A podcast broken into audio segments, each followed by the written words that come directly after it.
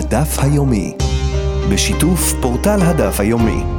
מגיש דובי שחור.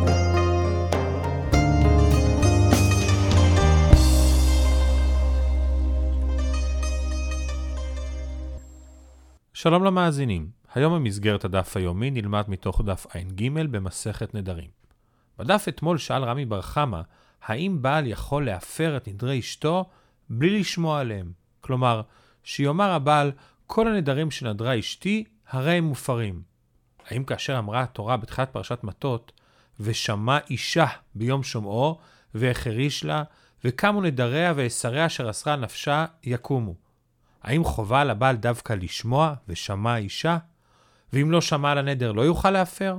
או שיוכל הבעל להפר אפילו נדר שלא שמע עליו. הגמרא ניסתה להוכיח ממקורות שונים, ולא פשטה את הספק.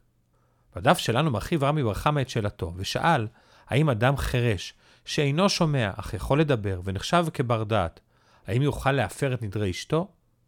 שאלה זו מבוססת על השאלה הקודמת. אם נכריע שבעל רגיל יכול להפר נדרי אשתו, אפילו שלא שמע עליהם, הדבר אפשרי מכיוון שיש ביכולתו לשמוע.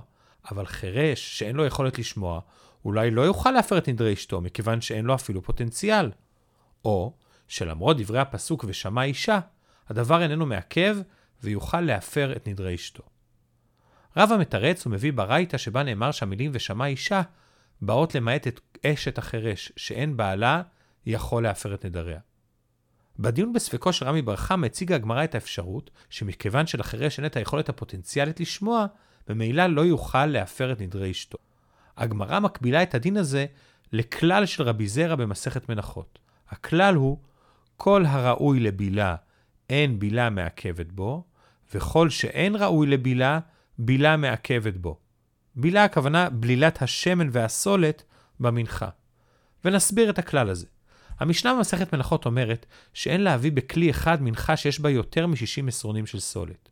רבי מבאר שהטעם לדבר הוא משום שכמות של יותר מ-60 עשרונים סולת לא יכולה להיבלל בשמן בכלי אחד כראוי. רבי זרע מסביר שאומנם אם אדם מביא מנחה בכמות שקטנה מ-60 עשרון ויצק לתוכה שמן, אפילו שלא בלל את השמן והסולת יחד, המנחה כשרה. וזה מה שאמר כל הראוי לבילה. כלומר, כל דבר שיש לו יכולת פוטנציאלית לערב כראוי את הסולת והשמן, אין בילה מעכבת בו. במקרה זה המנחה כשרה, אפילו בלי שבלל את השמן והסולת. לעומת זאת, וכל שאין ראוי לבילה, מנחה בכמות של יותר מ-60 עשרונים, שאינה יכולה להיבלל כראוי, בילה מעכבת בו. העובדה שלא ניתן לבלול כראוי את הסולת והשמן, פוסלת את המנחה. הכלל הזה של רבי זרע מופיע בש"ס בכמה סוגיות שונות, ומלמד עיקרון, שכאשר יש פוטנציאל לדבר מסוים, גם אם בפועל פעולה כלשהי לא נעשתה, נכשיר את הדבר. אך באותו מצב, כאשר הפוטנציאל אינו קיים, אנחנו נפסול. גם אצלנו, אדם עם יכולת שמיעה יוכל להפר למרות שלא שמע את הנדר, אך אדם ללא יכולת שמיעה לא יוכל להפר גם אם יודע על הנדר, כי אין לו את הפוטנציאל לשמוע. התוספות במסכת מנחות הקשו על הכלל הזה של רבי זרע. אם בילה לא מעכבת, מדוע מגיעה הדרישה שהמנחה תהיה ראויה לבילה? מסקנת התוספות היא שזו סברה בעלמא, ואין הדבר מקור. ועדיין צריך להבין את הרעיון שעומד מאחורי הכלל של רבי זרע. בראשונים מובאים שני הסברים לעיקרון הזה. הרשב"א במסכת בבא בתרא מבאר שכאשר התורה ציוותה להביא מנחה, הציווי היה להביא מנחה שראויה להיבלל. התורה אינה מצווה לבלול, אלא להביא מנחה שראויה להיבלל. אם המנחה ראויה להיבלל, היא כשרה. אבל מנחה שלא ראויה להיבלל, היא כמו אדם שיביא מנחה שעשויה מקטניות ולא מסולת, ומנחת קטניות חסרת חשיבות. ממילא הדיון איננו בפעולה של הבילה, אלא בהגדרת החפצה של המצווה שראוי לבילה. אפשרות אחרת להסבר אומרת לא. העיקרון הוא, והעיקר הוא הבלילה עצמה. כאשר הדבר ראוי לבילה, נחשב כאילו כבר בלול. כמו השיטה של רבי שמעון שכל הראוי ל... ייזרק כזרוק דמי. כך גם כל דבר שיש לו פוטנציאל, למעשה, כאילו המעשה נעשה.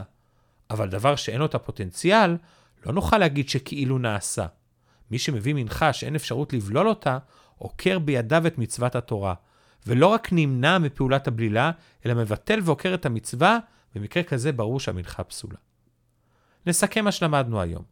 ראינו שרמי בר חמא הסתפק האם חירש יכול להפר נדרי אשתו. האם מה שאמרה התורה ושמע אישה הוא דבר שמחייב או לא. למסקנה מגיעה הגמרא שאדם שיש לו יכולת שמיעה, גם אם לא שמע את הנדר, בכל זאת יוכל להפר אותו באמירה כללית שמפר את כל נדרי אשתו. אך אדם שאין לו אפילו את הפוטנציאל לשמוע כי הוא חירש, לא יוכל להפר את נדרי אשתו. הדבר נלמד מהכלל של רבי זרע, כל הראוי לבילה, אין בילה מעכבת בו. וכל שאין ראוי לבילה, בילה מעכבת בו. ראינו שני הסברים בראשונים לכלל הזה. או כפי שהבין הרשב"ם, שהמצווה מראש היא להביא מנחה עם פוטנציאל לבילה, ובסוגייתנו, התורה אפשרה להפר נדר רק לאדם עם יכולת שמיעה, אפילו שאין חובה לשמוע בפועל, חייב שיהיה פוטנציאל, ולכן חירש לא יוכל להפר. או הסבר אחר, שהעיקר הוא הפעולה, פעולת הבלילה, או בסוגייתנו פעולת השמיעה, וכל מה שראוי לפעולה כאילו הפעולה נעשתה בו. אדם שיש לו יכולת לשמוע, אז זה מספיק לי, זה כאילו הוא שמע.